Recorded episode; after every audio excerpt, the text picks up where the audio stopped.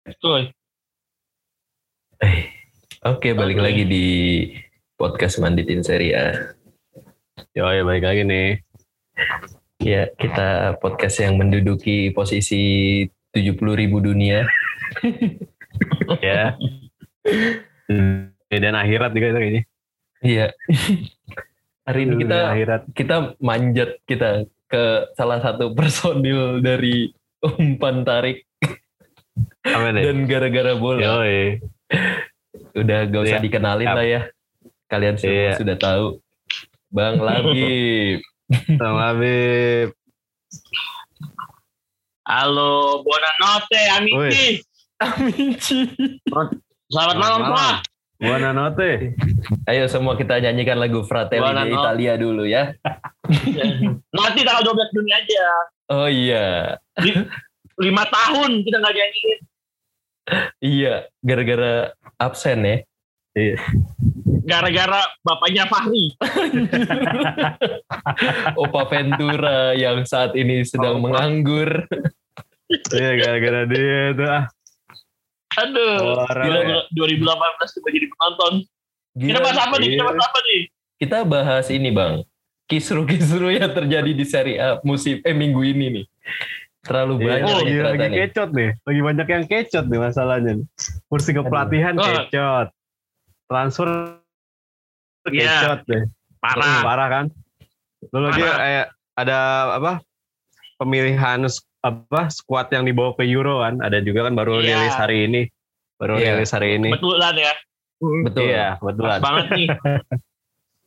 Emang udah di setting sebenarnya bukan kebetulan. Iya, emang tahu kita mau rekaman, makanya di, sama BGC dirilis dulu lah. Kali mau dibahas gitu kan. Jadi bahan bahasan. Dibahasan emang ada yang mau teknik kayaknya nih.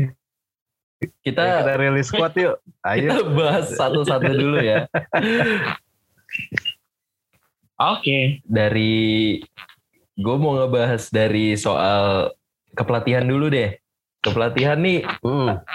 pertama ditandai oleh eh, Antonio Conte yang akhirnya harus mundur dari kursi kepelatihan Inter karena menolak eh, Yes. apa? Eh, menolak em, apa ya kayak berbagai macam kayak soalnya dia ja- minta tiga tiga pemain baru kan terus Inter di saat eh, keuangannya yang lagi sulit setelah pasca juara eh, sulit untuk merealisasikan itu gitu loh dan pemain yang tiga pemain yang dia minta tuh kayaknya eh, apa lumayan harganya lumayan lumayan mahal semua gitu. Nah terus eh, akhirnya Waduh. setelah gunjang ganjing gunjang ganjing ditunjuklah Simone Inzaghi yang menjadi pelatihnya. Dan ini juga ini juga polemik, polemik juga nih karena dia sama sama sama si Lotito tuh sorry sorry polemik buat Fahri sendiri kan Iya betul. Karena dia udah meeting tiga hari, udah gontok-gontokan, tunjuk-tunjukkan di parkiran. Oke, gue stay. Tapi besokannya pas Inter nawarin 4 juta, 4 juta euro, diterima tiba-tiba sama dia. Akhirnya Laziale lipat semuanya, gajinya dia kan. Laziale semua gigit kali- jari sama dia. Itu Dan dua sekarang- gajinya dia kan. Iya, 4 juta dan. Iya makanya eh, di si apa Inzaghi eh Inzaghi itu ditawarin sama si eh, apa Lotito itu kenaikan Inter? cuman 2 2,5 juta oh Inter kalau nggak salah. Nah sama Inter dia di di apa eh, dinaikin jadi 4 juta plus bonus terus sama eh, transfer pemainnya eh, asal masih dalam batas wajar gitu itu bakal diizinin sama dia gitu loh. Kalau menurut lu sendiri gimana bang Ter- tentang kisru-kisru ini? gue ya gue dulu ya Iya ya boleh bang. Eh, kalau menurut gue sih apa yang sebenarnya kan eh, bola panasnya kan pertama di Antonio Conte dulu ya Hmm, terus eh, Antonio Conte ini sebenarnya ya apa yang terjadi di eh, Internazionale musim 2021 ini sebenarnya pernah terjadi di Juventus beberapa tahun yang lalu Iya benar. dia selalu meminta pemain pemain yang eh, bagus memang itu eh, visi misi seorang pelatih pasti membutuhkan pemain yang luar biasa dan terkadang Antonio Conte itu tidak bisa uh, apa ya tidak mengerti keadaan kondisi keuangan klub itu yang terkadang jadi masalah. Uh, Iya. Melihat dulu Juventus uh, saat beberapa tahun yang lalu itu belum memiliki duit atau mungkin revenue untuk klub belum sebanyak saat ini untuk mendatangkan pemain ABC nggak bisa itu salah satu kenapa Conte akhirnya eh, nggak mau mau disebut uh, biang kegagalan di uh, UCL bahkan waktu itu Juve terlempar dari babak uh, grup kan terus terjadi lagi Iya. sekarang tapi kayak di Javu lagi terus ya udah emang ini kayak emang sebenarnya tabiat yang bagus ya tapi emang kadang-kadang kalau klub tidak bisa merealisasikan keinginan pelatih ya pasti ada justru ya akhirnya uh, putus eh, apa ya kayak akhirnya kedua belah pihak sepakat untuk mengakhiri kerjasama ya bahasanya ya Iya. terus Iya. eh, eh, ada terus akhirnya Simone Inzaghi lah yang ditunjuk juga sebelumnya gue juga baca berita tuh sebelum Simone Inzaghi ditunjuk tuh eh, beberapa hari sebelumnya tuh kalau nggak salah Inzaghi sempat perpanjang kontrak sampai 2024 ya kalau Iya, sebelumnya perpanjang kalau- kontrak sampai 2024. Betul. Bener ya? Iya, Bener. iya. saya ingat gue perpanjang perpanjang kontrak tuh tapi gue nggak tahu kalau nilainya Tapi dia belum tanda dinaikin tangan dari- oh berarti berarti baru ini ya Baru di mulut doang. verbal doang ya Iya, baru Iya, di mulut doang. Oke verbal oke. kontrak tuh Mm-mm. Oke, tapi kadang-kadang kan di situ ada namanya gentleman agreement ya biasanya, tapi kan kita Iya. kalau emang nggak ada di atas juga susah untuk eh, apa ya eh, menodong Inzaghi itu harus perpanjang kontrak. Lot itu Hmm. susah kayak gitu pasti karena harus ada hitam di atas putih. Iya, Ternyata ya benar. Inter dengan 4 Iya. juta euro nya. Ya Inzaghi juga mungkin ya mungkin ya eh, terus eh, efek domino lainnya beberapa klub juga selain dua ini juga ada beberapa klub yang akhirnya mengganti juru gedornya ya Alena M maksudnya Alena Torre-nya ya juru taktik Iya, benar. kayak AS Roma juga terus Juventus dengan Allegri-nya ini Iya, gue kaget sih dipecat di sih sini Pirlo. Pir- Pirlo ya mungkin tidak ini ya tidak expect dengan mungkin minimal Scudetto kali ya kalau manajemen gue sih sebenarnya kalau melihat proses ya Pirlo sebenarnya udah oke banget loh dengan skuad yang eh, terburuk dalam beberapa musim terakhir Juve eh, dan dapat pelatih yang gainer yang baru pertama kali sebagai pelatih eh, senior Mhm. dia Pirlo tuh benar-benar cuma pras sisanya cuma satu pertandingan doang lawan Iya. Novara Iya. Sa- satu minggu kemudian langsung dia eh, kalau nggak salah Juve Sampdoria langsung pembukaan apa Juve AS seri, Roma iya langsung langsung seri A. langsung Serie A saat itu gue langsung wah gila Pirlo tapi gue anggap sebenarnya presisnya Pirlo tuh musim kemarin tapi kalau Pirlo dikasih kesempatan mungkin musim 2021-2022 mungkin dia bisa eh, ber, apa ya bisa berbuat banyak lah untuk Juventus mungkin. Apalagi eh, nah, sebenarnya ya eh, melihat Ronaldo juga yang kayak apa ya buah si malakama juga ya sebenarnya butuh nggak butuh ya apa ya bahasanya ya kalau dibutuhin dia bisa sepak bola tapi kadang-kadang eh, karena orang-orang bener apa pemain Juve lainnya terfokus eh, bola pasti Ronaldo pasti Ronaldo kadang-kadang jadi buntu juga itu yang sebenarnya ya jadi masalah juga tapi kalau ngeliat yang lain nih semuanya secara global nih kayak Italia Serie A musim 2000-an lah yang di mana tuh benar-benar kayak eh, semua klub tuh benar-benar eh, memberikan yang terbaik untuk eh, tifosinya terus Mm-mm. apa mendatangkan pemain terbaik pelatih terbaik udah lama banget ya sih Serie A Iya gonjang gajinya tuh kan Iya. sama Iya. media. Sampai Pasti sampai deh. sempat trending sih berapa hari kemarin ya. Iya. Pa- Iya. parah itu 10 musim terakhir mungkin musim ini yang kedatangan Mourinho pertama kali itu pasti kalian pada Iya, kaget nih. itu. Iya, gue juga kaget. kaget sih. Betul tuh. Ujuk-ujuk langsung ke Roma gitu kan. Soalnya dia Ada bilang kan dapat, cuman Roma. cuman mau ke Inter doang kan. Iya. Iya, padahal waktu eh tapi waktu yang sebelum ke Roma itu dia sempat ngeklaim ya. Saya Iya. siap kembali ke Serie A walaupun tidak melatih Inter ya. Dia Iya, sempat akhirnya dia kasih kode kayak ya, gitu, nggak iya. ya. Kasih kode kayak gitu. Tapi ya kalau secara global dari gue sih sebenarnya seru lah melihat perkecotan duniawi di dunia apa eh, pelatih di Serie A tuh udah lama banget ini tidak terjadi. Gue seneng aja gitu dinamikanya kenceng Iya. banget. Loh. Iya, iya, akhirnya iya. baliknya sama Allegri. eh, mungkin AC Milan doang kali yang bertahan dengan pelatih lamanya kan. Mm-mm. Eh, Iya bersama Mister sama Pep Guardiola. Mister Ste- Ste- Stefano Pioli, Stefano Guardiola Pioli. Milano. Stefano Pioli. Tapi ya itulah Iya. eh, kalau dari gue sih seneng aja ngeliat rame banget sih. Udah lama banget lah nggak dapet insight atau sorotan media lah. Iya, engagement yang gede gini ya. Iya. Kalau dari lu sendiri Betul, ya. gimana tak? Exposure-nya kenceng banget di Serie A. Ya sebenarnya itu sama sih kayak yang Bang bilang ini kita udah lama banget nggak punya berita yang ya, ya apa hampir semua tim gede di Italia kayak Big Six lah. Eh, enam tim teratas itu hampir semuanya ganti pelatih secara bersamaan gitu dalam waktu yang berdekatan. Iya, iya, iya. Kayak ketika Roma nunjuk apa si Mourinho, Mourinho. terus gak, gak berapa lama si ini kan Spalletti Eh, eh Iya, Gattuso Napoli juga ya? terus gantiin Spalletti Heeh. Iya bener kan. Napoli. Spalletti ditunjuk untuk eh, menggantikan Gattuso terus eh, Allegri yang akhirnya balik lagi ke Juventus terus sama itu eh, yang terbaru sih yang Inzaghi lepas dari Lazio terus malah ke Inter gitu Iya, iya, benar. ya cukup seru sih maksudnya eh akhirnya pamor seri A serianya tuh eh, naik lagi dengan adanya berita-berita yang kayak gini berita-berita kenceng kayak gini Iya, iya, iya. Benar, benar sih. gitu sih Sama ini kan si Lazio nih lagi di eh, apa? Lagi dikait-kaitin sama Maurizio Sarri kan sebenarnya sampai si oh iya betul. eh, apa? Sampai Betul, betul. namanya? Twitternya si Alfredo Pedula itu penuh sama tagar yang rokok itu loh. Sampai dalam berapa hari Oh, ini dia ya, sampai saring ngerokok ya Iya, sampai sampai salut gitu kan kayak wah gila nih Laziale apa eh, saking ininya sama apa saking excited sama rumor ini kayak eh, reply-nya dia tuh semuanya ini rokok semua, rokok rokok rokok gitu-gitu semua tuh. Terus eh, apa eh, emang bakal bakal bakal Identik ya soalnya ya. Toko Kenapa?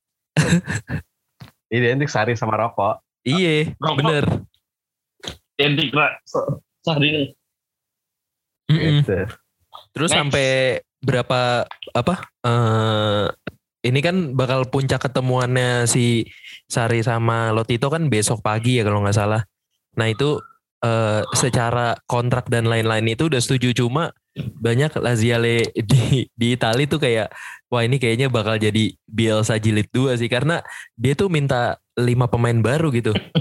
Minta lima pemain baru terus eh, pemain barunya tuh kayak si Sach, Callejon, terus habis itu Rafael Santos Bore, terus ad- pokoknya lima pemain itu yang ber yang ya eh, apa totalnya itu cuman 25 juta gitu.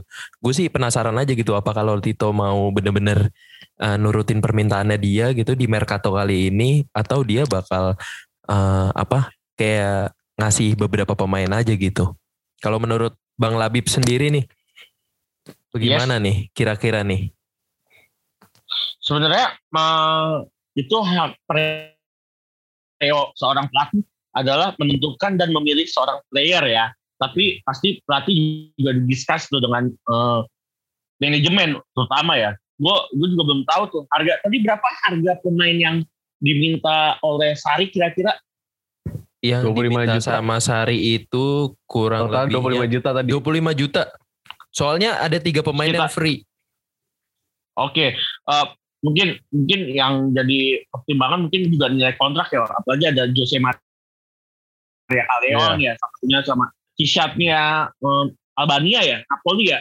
Iya iya, hisatnya Iya Napoli. si Nih. Itu kan Jadi eh, apa? Correro dello Sport merangkum 5 permintaan Sari ke manajemen Lazio, yaitu Nahitan Andes 20 juta euro. Hisac Napoli itu free, Ilicic Atalanta 10 juta euro, Lico Ganis Cagliari ditukar sama Fares, sama Santos Borenya River Plate itu free. Dia sebenarnya cuma minta itu. Sekitar tiga. Tapi ya harusnya, eh, tapi gimana ya, angka 35 juta euro tuh menurut gue kalau untuk klub sekelas Lazio itu banyak banget ya.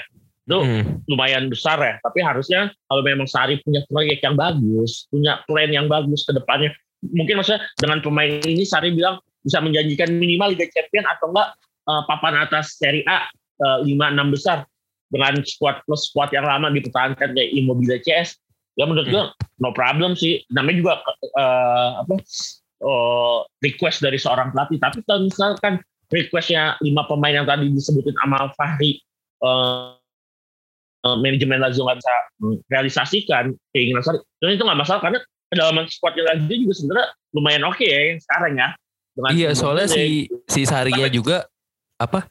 Dia bilang juga eh, sebenarnya skuad Lazio udah bagus, jadinya gua nggak perlu Nah. rombak banyak lagi kata dia gitu.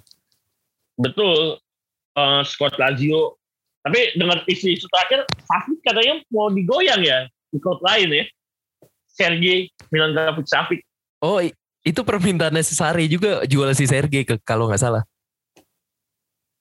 Waduh, berarti dia akan merubah sedikit skema di lini tengah berarti. Iya, Iya, pasti, pasti sih. pasti Sari Akan bolnya itu loh. mungkin si dia menganggap Sergei nggak cocok menjalankan peran Ser- Saribol di Lazio.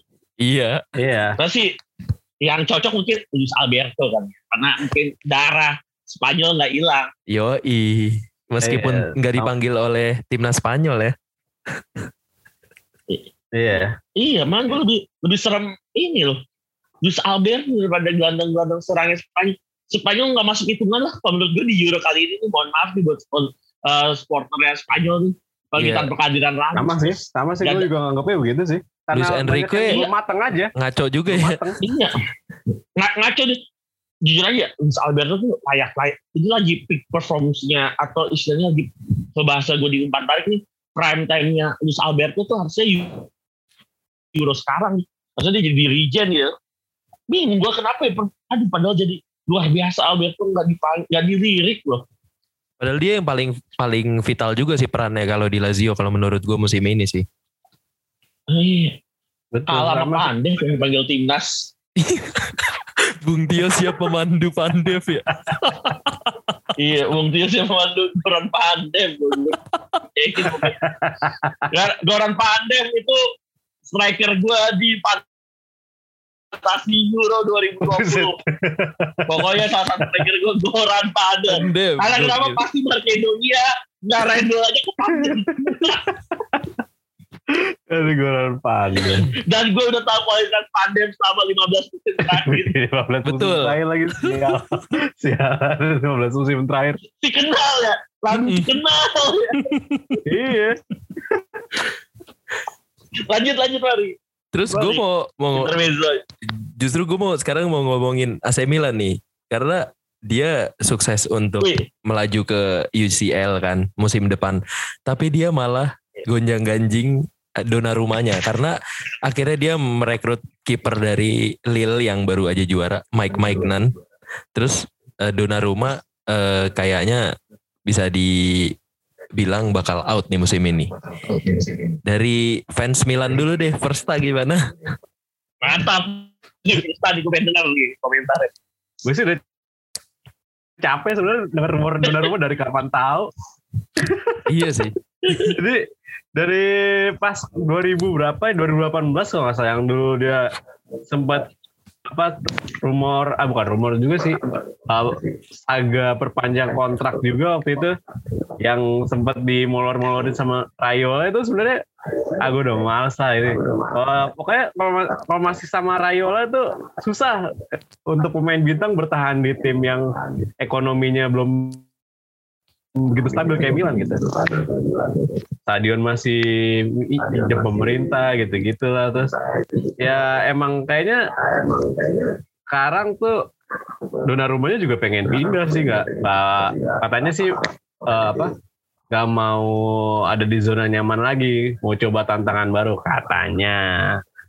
Tapi kan gue nggak tahu di balik itu Rayola ngomong berbicara apa ya gitu kan. Iya mungkin rumor-rumornya kan dia mau ke PSG atau Barcelona Juventus. gitu. Cuman eh, tantangannya adalah ya Juventus juga tantangannya adalah kalau misalnya Barcelona mau si Donnarumma dia harus jual Ter Stegen dulu yang mana kayaknya nggak bisa. Karena Ter Stegen udah jadi yang nomor satu lah di Barcelona sekarang. Nah sisanya paling tinggal PSG sama Juventus nih. Tinggal nego-nego kan gaji aja malah kan free transfer tuh. Donnarumma sekarang gitu terus sebenarnya nggak cuma Donnarumma pemain pilarnya AC Milan bakal cabut. Calhanoglu juga kemungkinan bakal cabut karena masih belum perpanjang perpanjang kontrak juga. Terus ada Astillejo, ya itu bodo, bodo amat sih. Samu Samu. Samu. Iya Samu, udah biarin dah. Castillejo. Terus belum lagi kayak pemain-pemain yang dulu eh, dipinjam kayak Ibrahim Diaz, terus tapi kayak Tomori kayaknya udah pasti dipermanenin sih. Cuman Ibrahim Diaz nih yang kayaknya bak- bakal di diusahain bakal dipermanenin sih. Gitu. Ya pokoknya kalau Donnarumma mah ya udah kayaknya semua fans Milan juga udah udah capek lah dengernya. Iya sih. Udah ya udahlah. Ya udahlah. Mau pergi pergi dah gitu ya. Karena ya udah mau mau gimana lagi? Gajinya nggak bisa diturutin sama kita. Yo, i. Gitu. Bang Labib silakan. Perihal AC Milan dengan Donnarumma-nya ya. iya.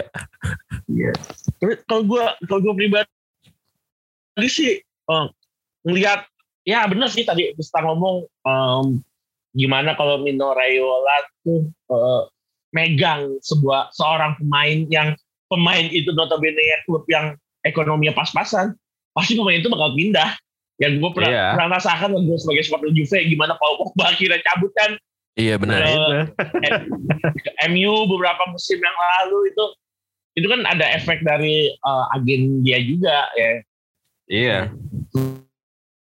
sebenarnya sih ya kalau gue pribadi sih kalau Juve bisa mendapatkan Donnarumma, Donnarumma itu suatu hal yang luar biasa. Karena Juventus dari dulu sangat kayak klik banget gitu.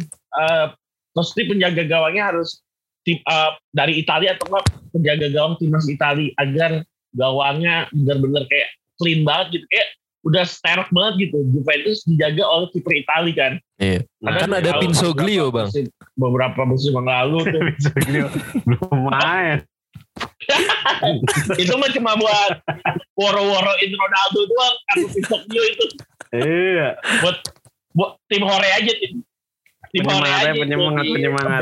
Ayo, ayo semangat. penyemangat kayak ayo ayo atau enggak kalau enggak kalau yang golin dia ikut selebrasi dalam lapangan Iya, emang. yang lari lagi gitu Itu Iya. hari doang ya. itu aja kan tapi gue doang. gue seneng aja sih dengan rumor katanya Donnarumma semakin dekat dengan Juventus karena eh, juga kayak sebenarnya saya ini sih sebagai kiper defense yang sekarang juga sebenarnya penampilannya juga lumayan baik ya emang nggak sebaik Gianluigi Buffon ya kalau dibandingkan dengan Gianluigi Buffon tapi Iya. seenggaknya saya Chelsea masih lebih baik lah dengan Edwin van der Sar jujur aja ya gue pernah melihat dengan mata kepala gue sendiri gimana buruknya Edwin van der Sar menjaga gawang Juventus Oh waktu dulu ya. Oh, ya, oh, yang duang dulu. Eh, di musim 99 2000 2021 2000 2001 itu gue tahu banget jeleknya Van der Sar dan kayak sebenarnya gue Chelsea tuh kayak masih lebih baik daripada Van der Sar tapi kalau Juventus tapi kayak aneh banget gak sih Eh, mungkin ya nggak supporter Juve aja mungkin supporter Serie A kalau ngeliat Juventus tuh bukan dijaga oleh kiper Italia sih tapi kedatangan Donnarumma mudah-mudahan sih katanya ya Raiola, Katanya. Raiola siap me- memberikan gaji 6 juta aja ya Iya. jadi kayak Maldini digocek oleh Rayo Amino. Jadi ternyata gaji yang akan diberikan Juventus itu sama kayak gaji yang diberikan AC Milan terhadap Gigio. Ini Iya. gue nggak tahu sih ini apa permainan agen atau apa apa yang begini tapi ya eh, ya ntar kita lihat aja lah nikmatin aja lah biar kartu kayak gini lah ya, apalagi supporternya bilang juga kayak, kayak tadi ya gue baca tuh di seri A lawas tuh Azuri pemainnya ini ini di breakdown kan dari klub ini klub ini. Oh, iya. katanya pada bilang AC Milan nggak ada. Donnarumma bukan pemain AC Milan lagi? Kan dibilang AC Milan cuma dat, ah, Cuma diwakilin oleh satu itu Gigio Donnarumma. Terus habis itu banyak yang komen gue baca AC Milan nggak ada Donnarumma. Bukan pemain AC Milan lucu aja sih. Itu cuma intermezzo aja. Kalau gue sih ya support aja kalau Donnarumma ke Juve tapi kalau misalkan mudah-mudahan agennya ya Chris ya jangan rese aja ya. Agennya kan terkenal rese ya. Iya. doyan duit. Betul. Nah, iya, dulu ada ini juga sih dulu si Mertens kan sebelumnya kan dipegang sama Rayola juga kan. Akhirnya si Mertens gerah tuh gara-gara Rayola apa kayak nyuruh-nyuruh pindah klub mulu dari Napoli. Akhirnya di, di diputus sama si Mertens ya. Jadi agennya bukan Rayola lagi.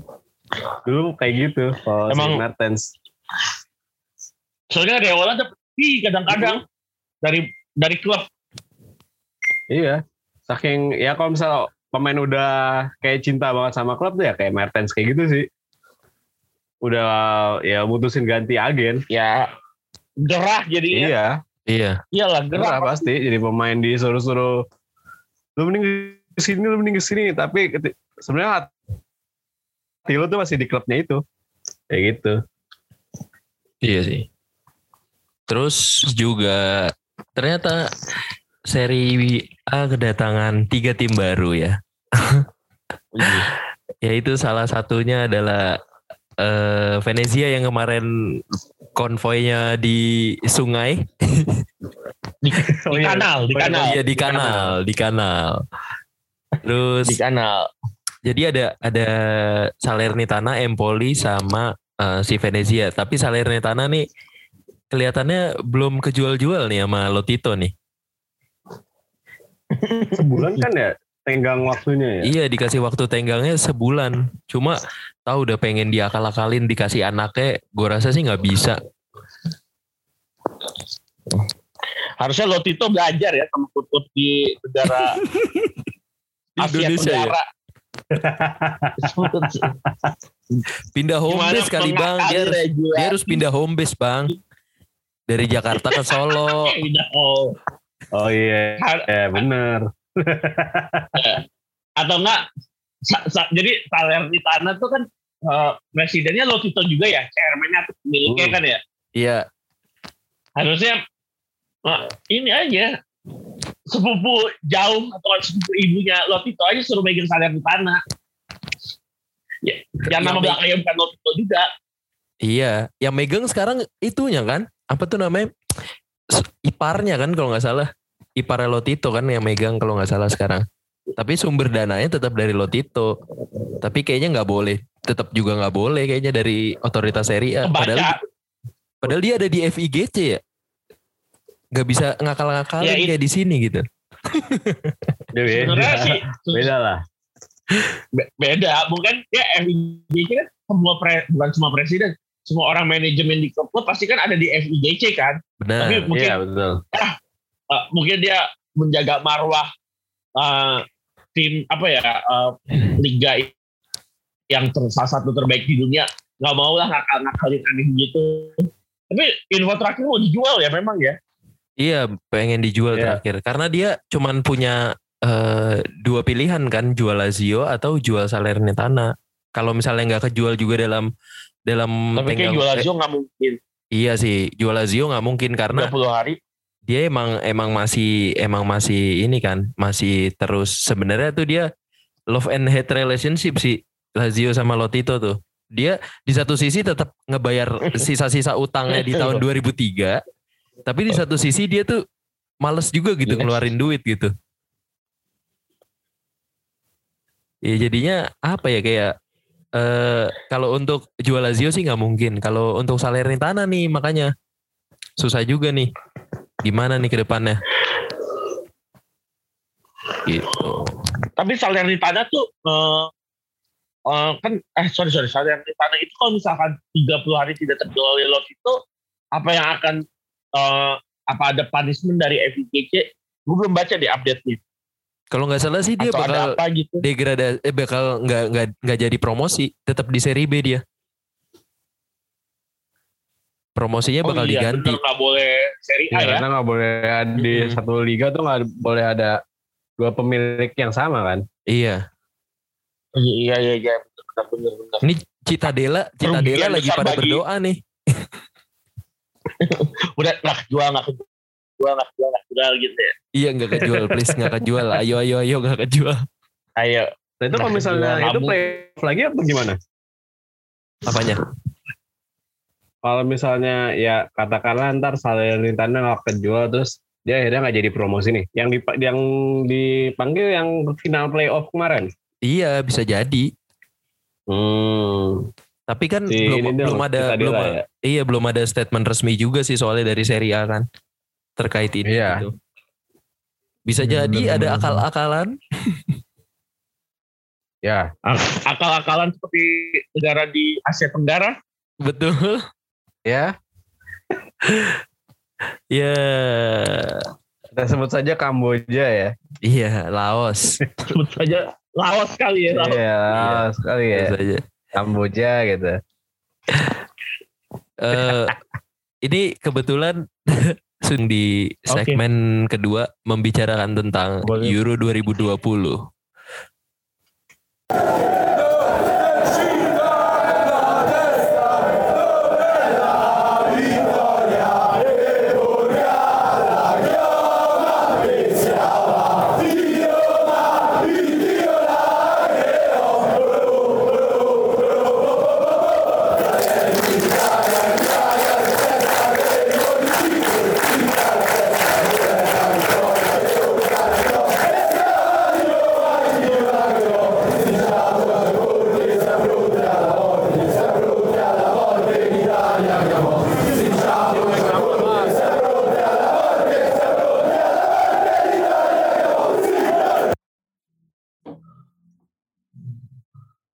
Oke, balik lagi kita. Di segmen kedua ya. Yoi. Ini Euro 2020 akan segera dihelat. Kebetulan di bulan Juli. Eh di bulan Juni apa 2021? Juli ya? Juni Juni. Juni ya, Juni, Juni. akhir ya? 12 Juni 12 Juni. Oh, Juni 12 awal 12 langsung Iya. pembukaan kita Itali ya. Mantap. Kira-kira langsung em, pembukaannya Fratelli d'Italia. Satelit. eh, 26 pemain yang dipanggil oleh Mancini. Tiga kiper, Donnarumma, Meret Sirigu. Defendernya ada Acerbi, Bastoni, Bonucci, Cielini, Di Lorenzo, Emerson, Florenzi, Spinazzola, dan Toloi. Midfieldernya ada Barella, Cristante, Jorginho, Locatelli, Pellegrini, Sensi, dan Verratti.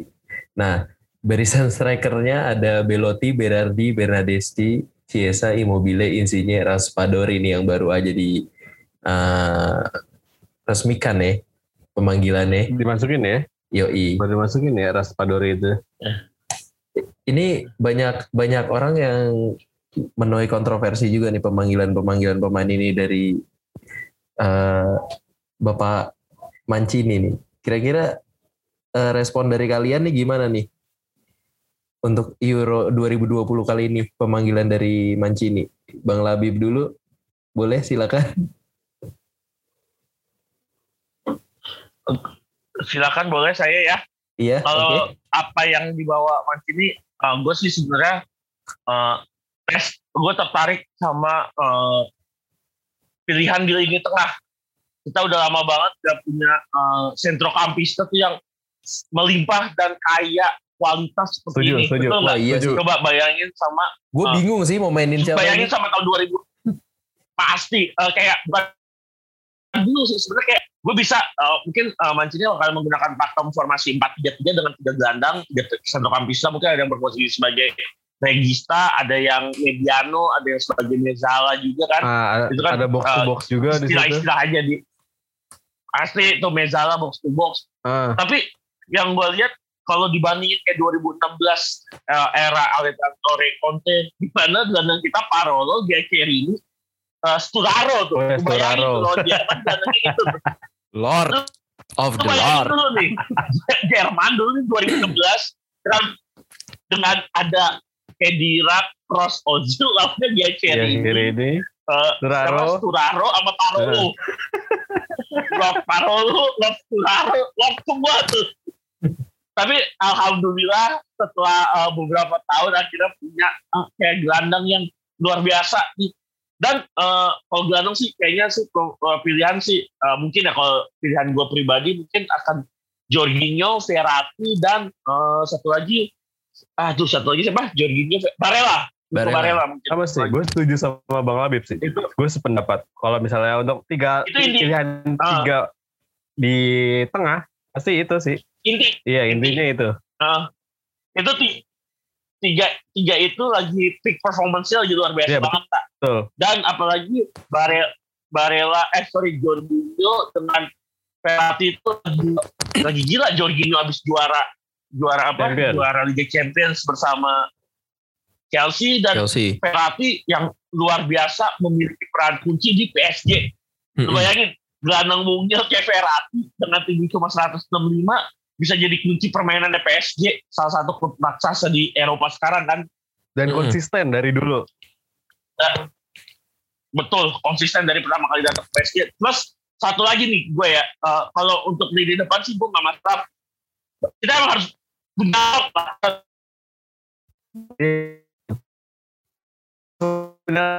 Memang. ah, apa ya sistem mungkin cocok dengan eh, formasi yang diterapkan oleh Mancini mungkin dia butuh pemain pemain yang bisa cutting inside eh, dari kanan ke kiri atau dari eh, atau sebaliknya dari kiri ke kanan dan Berra itu kaki kirinya sebenarnya sih lumayan banget ya apalagi gol terakhirnya dia lawan San Marino lu lihat kan Hmm. Iya, Arjen Robben banget Iya. ya. benar.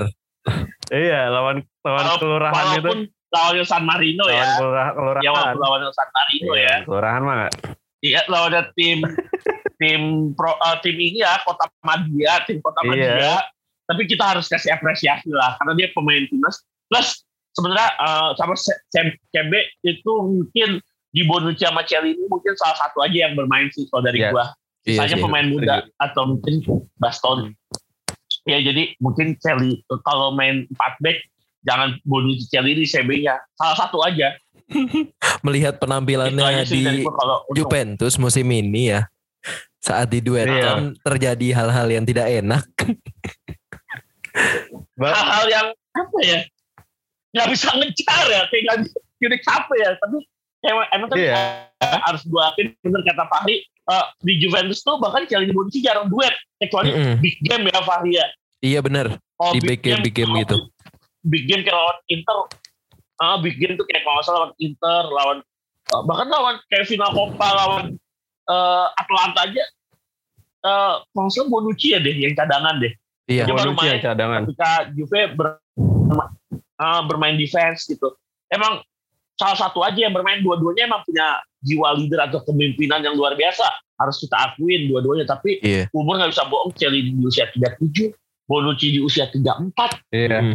Kita ya ada Bastoni loh. Gue sih lebih kalau gue gue sih lebih prefer Celi ini Bonucci uh, ngisi satu, satu lagi sih antara Acerbi Derby sama atau- Bastoni ya. Uh, walaupun ACRB uh, maksudnya walaupun ACRB kita tahu juga udah nggak muda juga ya tapi Iya. ACRB kayak uh, dapat second second win ya dia di Lazio ya Iya, Dan musim ini dia Iya. gila sih di Lazio. Termasuk dua musim ini sih lebih tepatnya iya, aksinya yang eh, ngantongin Halan ya. Waktu di eh, UCL kemarin. di DCL. Dortmund ya Nah, Iya. ya UCL. itu gokil sih Iya. gua bahkan gua punya temen seorang Laziale gue bilang siap-siap ya lu dibantai ya sama Dortmund ya eh ternyata dia di eh, stadionnya Dortmund di Signal Iduna Park bisa bermain sangat bagus loh gue gila gue boleh Iya juga Francesco jago loh Jago dia. Emang jago. dan ada Jago, jago. kota Roma Kalau Iya, juga. Acerbi Bastoni sih Mm-mm. cocok sih. kalau kalau si Toloy mungkin bakal jarang juga sih kalau misalnya Acerbi sama Bastoni nya fit. Dia dapat tempat tapi nggak tahu iya juga sih mungkin Tole lebih melebar kali Ya, pokoknya Hmm. kayaknya mungkin bakal Tole, di sayap kan sih. bisa sebagai fullback Ah, fullback lumayan fullback. itu sih kalau dari gue itu aja Kalau lu tak gimana tak? Kalau dari kiper sih, gue gak ada masalah ya. Walaupun eh kayak gue lebih setuju Kranyo udah dibanding Meret sih. Entah kenapa Hmm. Kranyo tuh, ya kesalahannya Kranyo kayaknya minim banget kalau di untuk seorang kiper ya. Kayaknya dia cukup bagus, cukup responsif gitu. Sedangkan kalau Meret kan kayak kayak masih ganti-gantian gitu ya sih sama siapa Ospina ya. Iya. yes Nah iya, kalau gue sih ya nggak ada masalah sebenarnya sama merah, cuman gue pengen lihat di atas Eropa ya.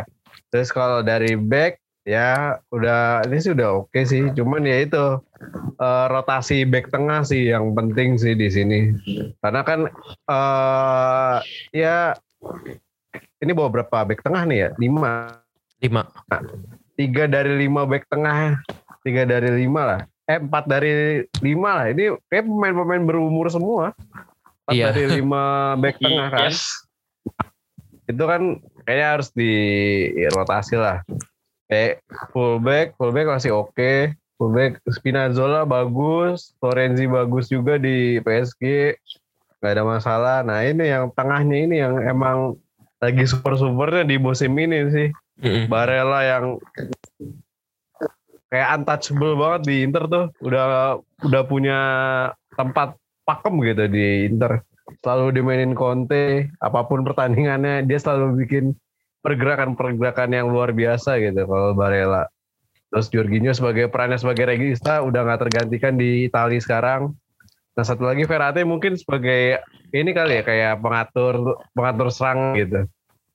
Iya. kalau dari itunya sih kalau penyerang sama sih. Emang harus punya Lord setelah dulu Conte eh, apa pas era Conte kita punya Lord Zaza dengan ancang-ancang kelas dunianya. Udah udah pasti pasti pada inget lah ancang-ancang kelas dunianya Zaza lah. Terus ya, ini, ini yang menarik yang Raspadori ini sih. Raspadori menarik banget karena kayak dia tuh baru baru baru ngegas ngegas gitu kan dia di penghujung musim ya Iya dia benar. langsung punya tempat di di, Yes. di ini sih di timnas gitu. Jadi Kayak salah satu pemain termuda juga ya. Di Ya, betul. Umur Gitu sih. 21 tahun. Menarik untuk Kelahiran 2000 ya? Iya kelahiran 2000. Kayak adek gue. adek gue kan 2000. Keren sih. Keren sih, keren sih. Terus Italia ini kan eh, tergabung di grup A ya bersama Swiss, Turki dan Wales. Yang pengen gue sorot sih Turki sih, karena dia kan eh, kembali menunjuk pelatihnya yang sangat fenomenal yaitu Senol Gunes yang mampu membawa Turki menjadi eh, urutan eh, apa eh, ke tempat ketiga waktu eh, Piala Dunia 2002 ya dengan beberapa Hmm, pemain iya. yang seperti 2002. Hakan Sukur dan Akan kawan-kawan. syukur. Yo, Ya, ya. kalau Swiss eh kayaknya dia Emre. bakal Hasan Sas.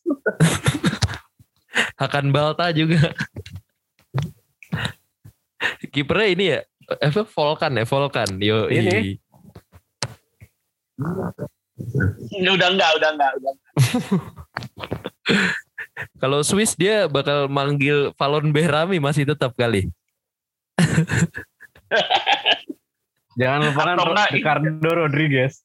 Iya Atau benar. enggak Stephen. Steiner ya? Iya. Stephen. Steiner udah jadi udah jadi tukang jam masih dipanggil main bola. Swiss Express itu. Iya, menjadi tukang jam dia.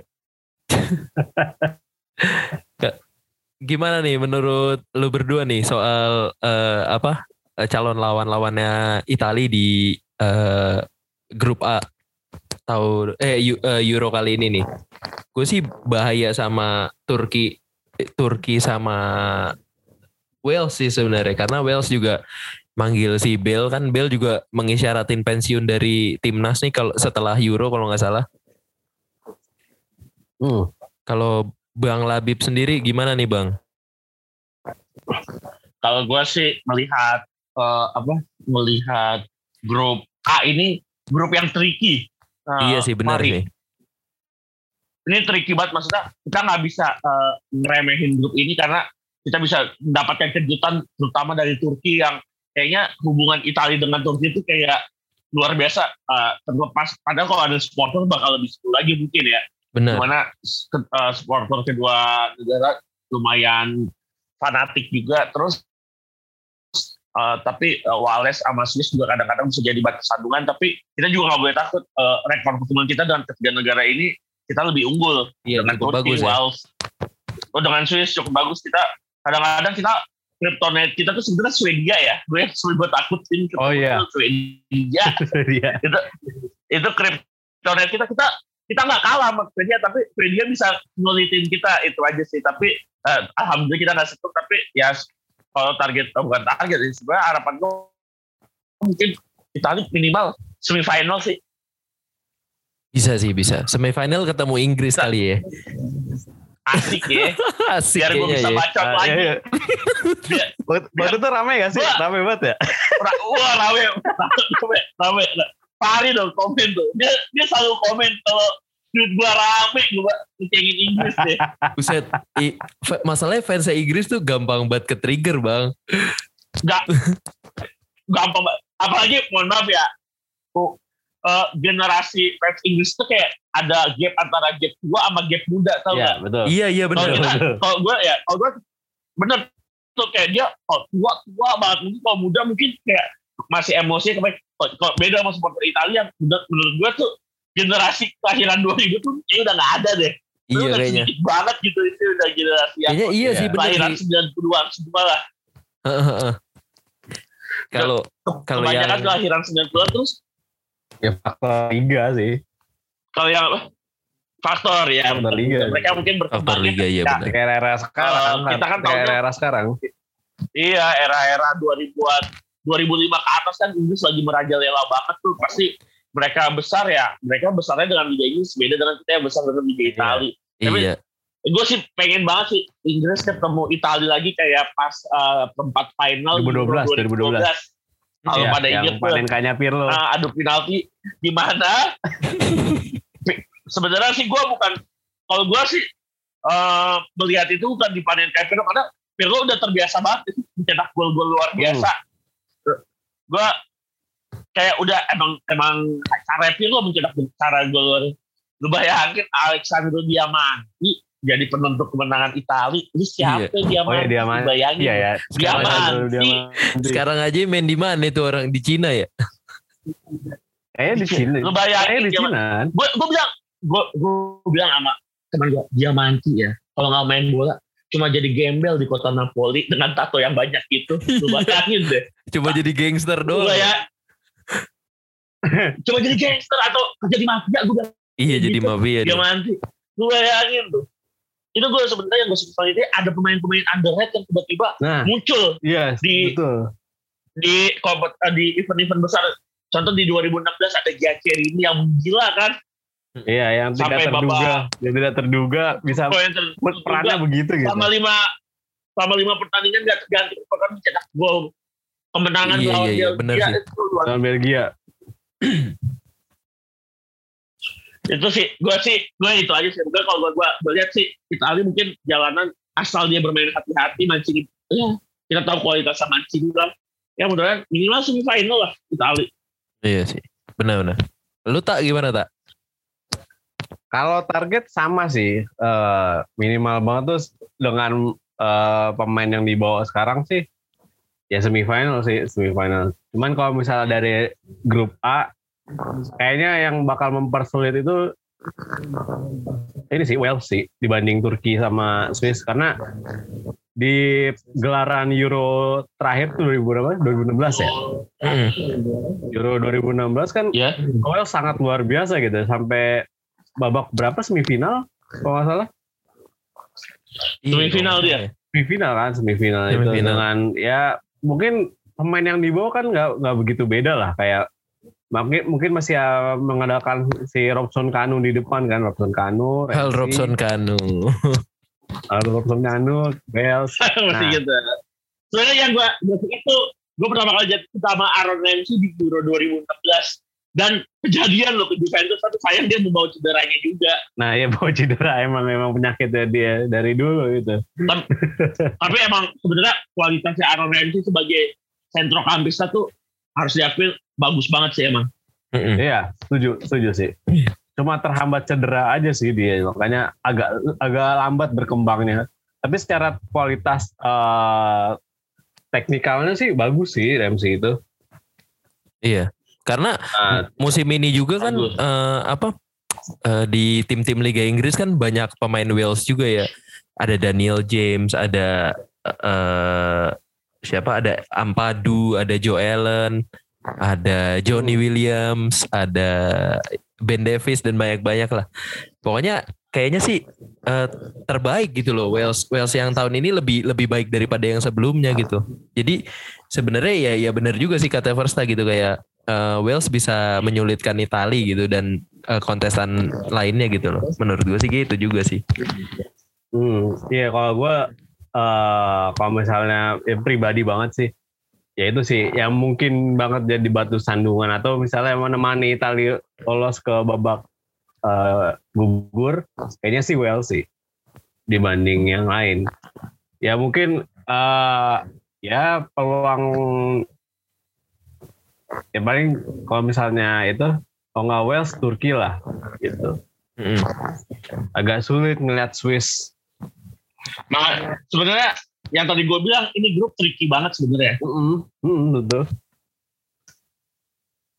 gitu kalau gue ya Ini kan ini ya apa konsep Euro tahun ini kan eh, beda ya. Jadi yang jadi apa eh, kayak laga pertama aja Italia lawan Turki aja bakal dihelat di Italia kan di Olimpico kan kalau nggak salah.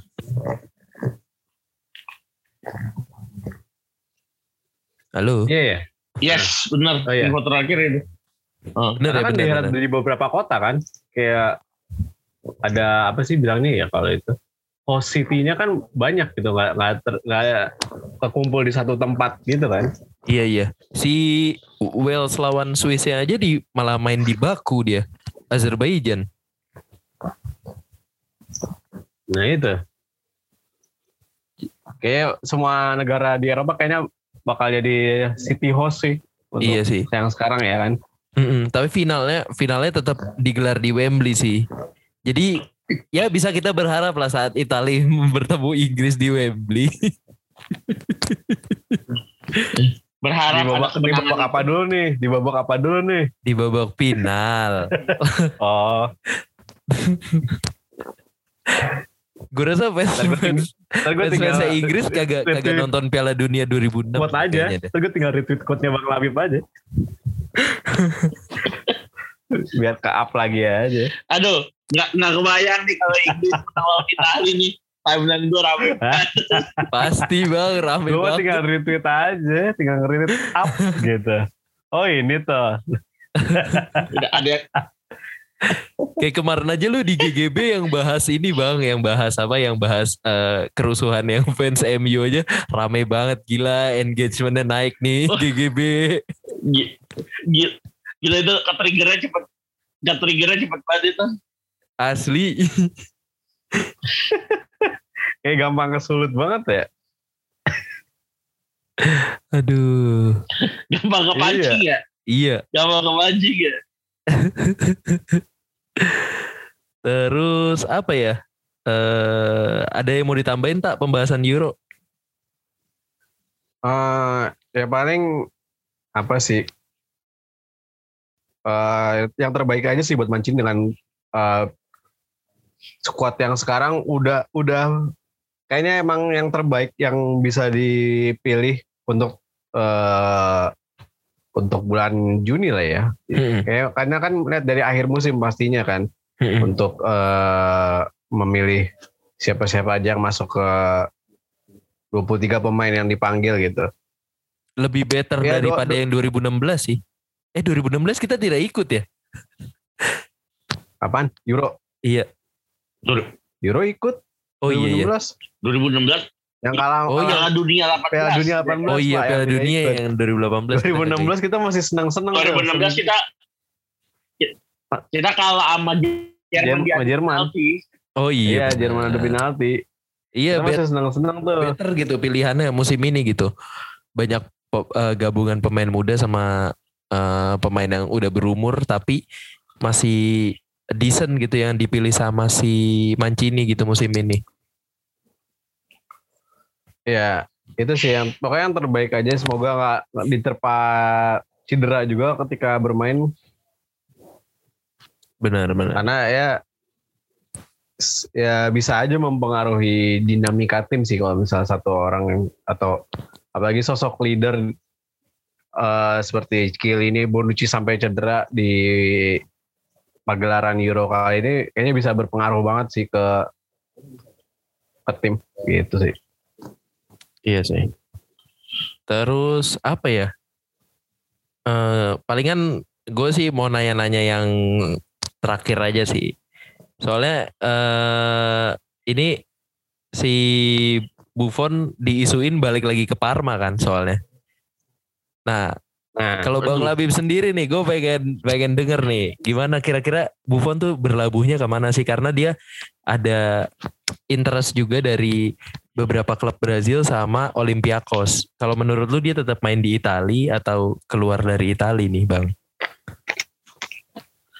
karena kalau menurut gue ya eh, karena Buffon 23 tahun atau 22 tahun yang lalu eh, eh, berapa puluh eh 20 25 tahun yang lalu debut di Parma alangkah baiknya sebelum dia mengakhiri karir profesionalnya menurut gue dia balik lagi ke Parma sih Eh, terlepas adanya eh, tadi eh, tawaran dari klub Brazil dari eh, Olympiakos atau beberapa klub lainnya eh, balik ke Parma itu ada pilihan yang sangat logis sebelum menutup karir indahnya sih di Liga Italia sih kalau menurut gua Hmm, benar-benar.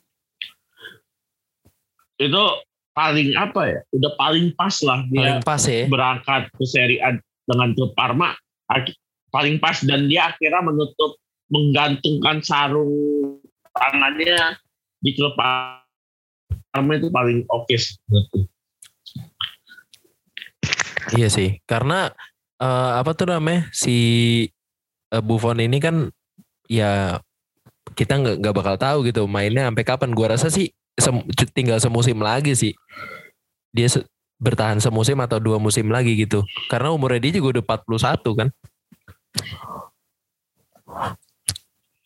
empat tiga Oh iya 43 ya. Set tua juga ya.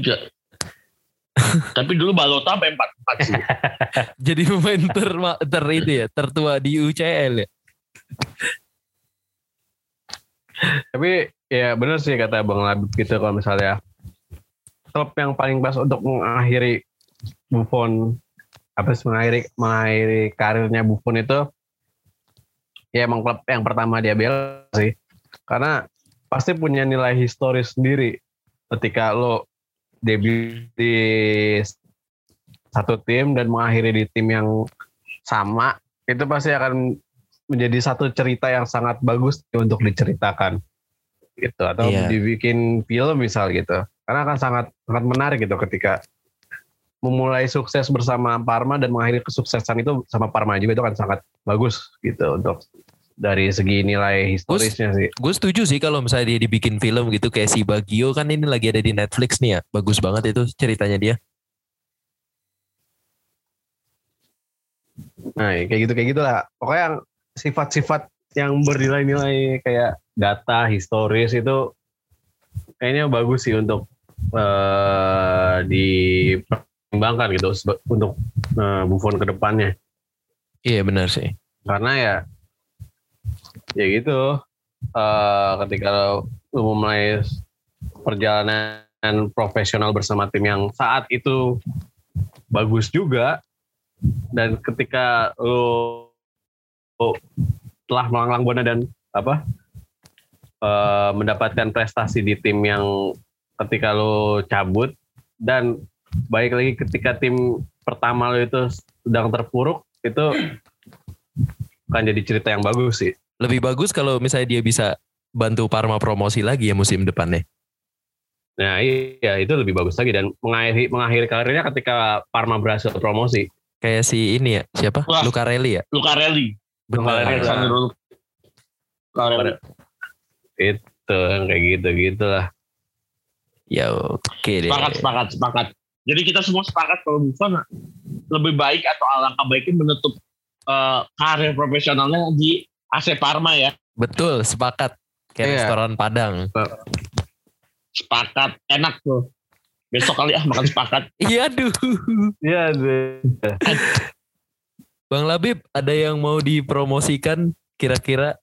Kayaknya lagi sibuk sama umpan tarik merchandise-nya nih kayaknya. Wes. Iya nih. Buat pendengar Manitens, uh, podcast Manitens Serie A, kalau mau eh, support kita harus saling support sih sebenarnya satu sama lain. Oh lah. Boleh eh, kita harus satu support kita semuanya tuh eh, ya pokoknya saling eh, dukung lah Eh, bisa eh, kalau mau beli merchandise-nya umpan tarik bisa lihat uh, di profil Twitter ya gara-gara bola di situ ada uh, di uh, di pin tweet uh, link Tokopedia-nya Oke. bekerja sama dengan Mas-mas Retropus. Oh. Keren. Biasanya kalau kerjasama dengan Retmus gak pernah mengecewakan sih merchandise sih. Nggak udah ngecewa karena emang Serius, serius, itu Keren sih emang proyek yang enak untuk kunci dia itu kunci memang dia buat ya kalau mau uh, Frista atau Fahri mau lihat-lihat uh, desainnya bisa cek juga di uh, gara-gara bola ya dan teman-teman di seri A yang lainnya. Terus Betul. pokoknya kita harus saling support apa pun itu dengan sepak bola Indonesia di luar mungkin sepak bola Italia kita juga saling support itu sih dari gua. Oke, cakep. Jangan lupa dicek tuh di Twitter ya gara-gara bola sama di Tokopedia-nya. Iya. Yes. Yes. Sebelum sebelum Thank Euro you. mungkin besok kita eh, bisa menonton Indonesia melawan Thailand. Yes, Ya. yes. Deg-degannya dari malam. Karena Bang Labib sedang disibukkan oleh salah satu pemain Indonesia yang memiliki indisipliner dan akhirnya dipulangkan. Anjir. jadi jadi rame kita kayak kita gara-gara bola bukan di Twitter gara-gara bola jadi rame kirain berita biasa aja Rame lah Bang. Backnya timnas tuh tiga-tiga Bang. Gimana gak rame gue aja deg-degan ngeliatnya. Aduh ada-ada aja anjir. Emang dah. ada aja aksinya ya Ada aja aksinya gitu. Aduh bener dah kagak cocok banget. Bikin dipegang gara-gara aja. sama pelatih timnas dunia gitu kagak cocok gitu ya dipegang gitu. ya. iya Sintayong level dunia ya pegangnya pemain-pemain yang suka main tarkam repot memang Gila. Gue Iya, gue sih nggak kebayang sih bang kalau sehari jadi sintayong. Mesti ngajarin Beneran, passing. Iya. aduh kacau bener-bener dari basic udah lah pokoknya kita Iya. semua eh, apa berdoa lah berdoa Berdoa di sisa tiga laga ya minimal Indonesia bisa mendulang poin FIFA lah ya Karena- untuk mendobrak eh, Iya, di posisi betul. 173. Yes ah malam ini 175 mohon maaf Aduh. karena kalah atas Oman kemarin Oh Terus iya ya naik mi- angkanya. minus ya minus 100 sera- eh 1000 poin ya. Eh, minusnya jadi sekarang kita poin kita nggak nyampe seribu ya. Bagus. Bagus. kita kita nggak nyampe 50 persen poinnya Itali Waduh jauh. Jauh. Ja- Tolong, jangan dibandingkan. Jauh Tolong. Terlalu sedih untuk dibandingkan. tolong tolong Tolong tolong. ya udah kita semua berdoa mudah-mudahan benar tadi kata Fahri mudah-mudahan Indonesia bisa mendapatkan sebenarnya poin lah jangan menutup eh, eh, kualifikasi dengan nol poin ya Benar. Kayak dulu, kayak dulu ya. Kayak dulu pernah gitu juga kan. No point.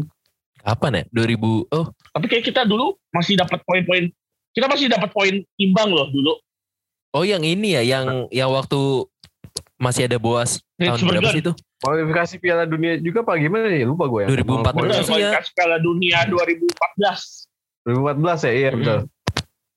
kita masih dapat poin-poin lawan Cina kita masih imbang Iya, yang golnya si ini ya Boas ya. Boas umpan Greg Benar. Oke deh, kalau begitu terima kasih Bang Labib sudah Oke, bergabung semuanya. malam ini. Ya. Grazie, grazie buat anak-anak um, podcast Wanjitin Seri A. Gue terima kasih uh, suatu kehormatan uh, bisa diundang kembali ke podcast ini. Iya, Ya, ya, sama-sama Bang. Bang Labib. Suatu kehormatan juga bisa mengundang Bang Labib kemari. Oke, sama-sama. Thank you ya. Sukses terus buat Krista dan Fahri Oke. dengan podcastnya. Iya dong. Yo, eh. Oke deh kalau Oke. gitu kita akhiri saja. Pokoknya jangan lupa eh, cek Twitter kita di Manditin Seri A. Terus ada Twitter gara-gara bola juga. Yo, eh. Yes. Ya udah deh kalau kayak gitu gua Fahri cabut. Gue Firsa cabut juga. Gue Labib Sadat dari Gara-Gara Bola. Cabut. Oke, Yo. bye bye. Yo, eh. Thank you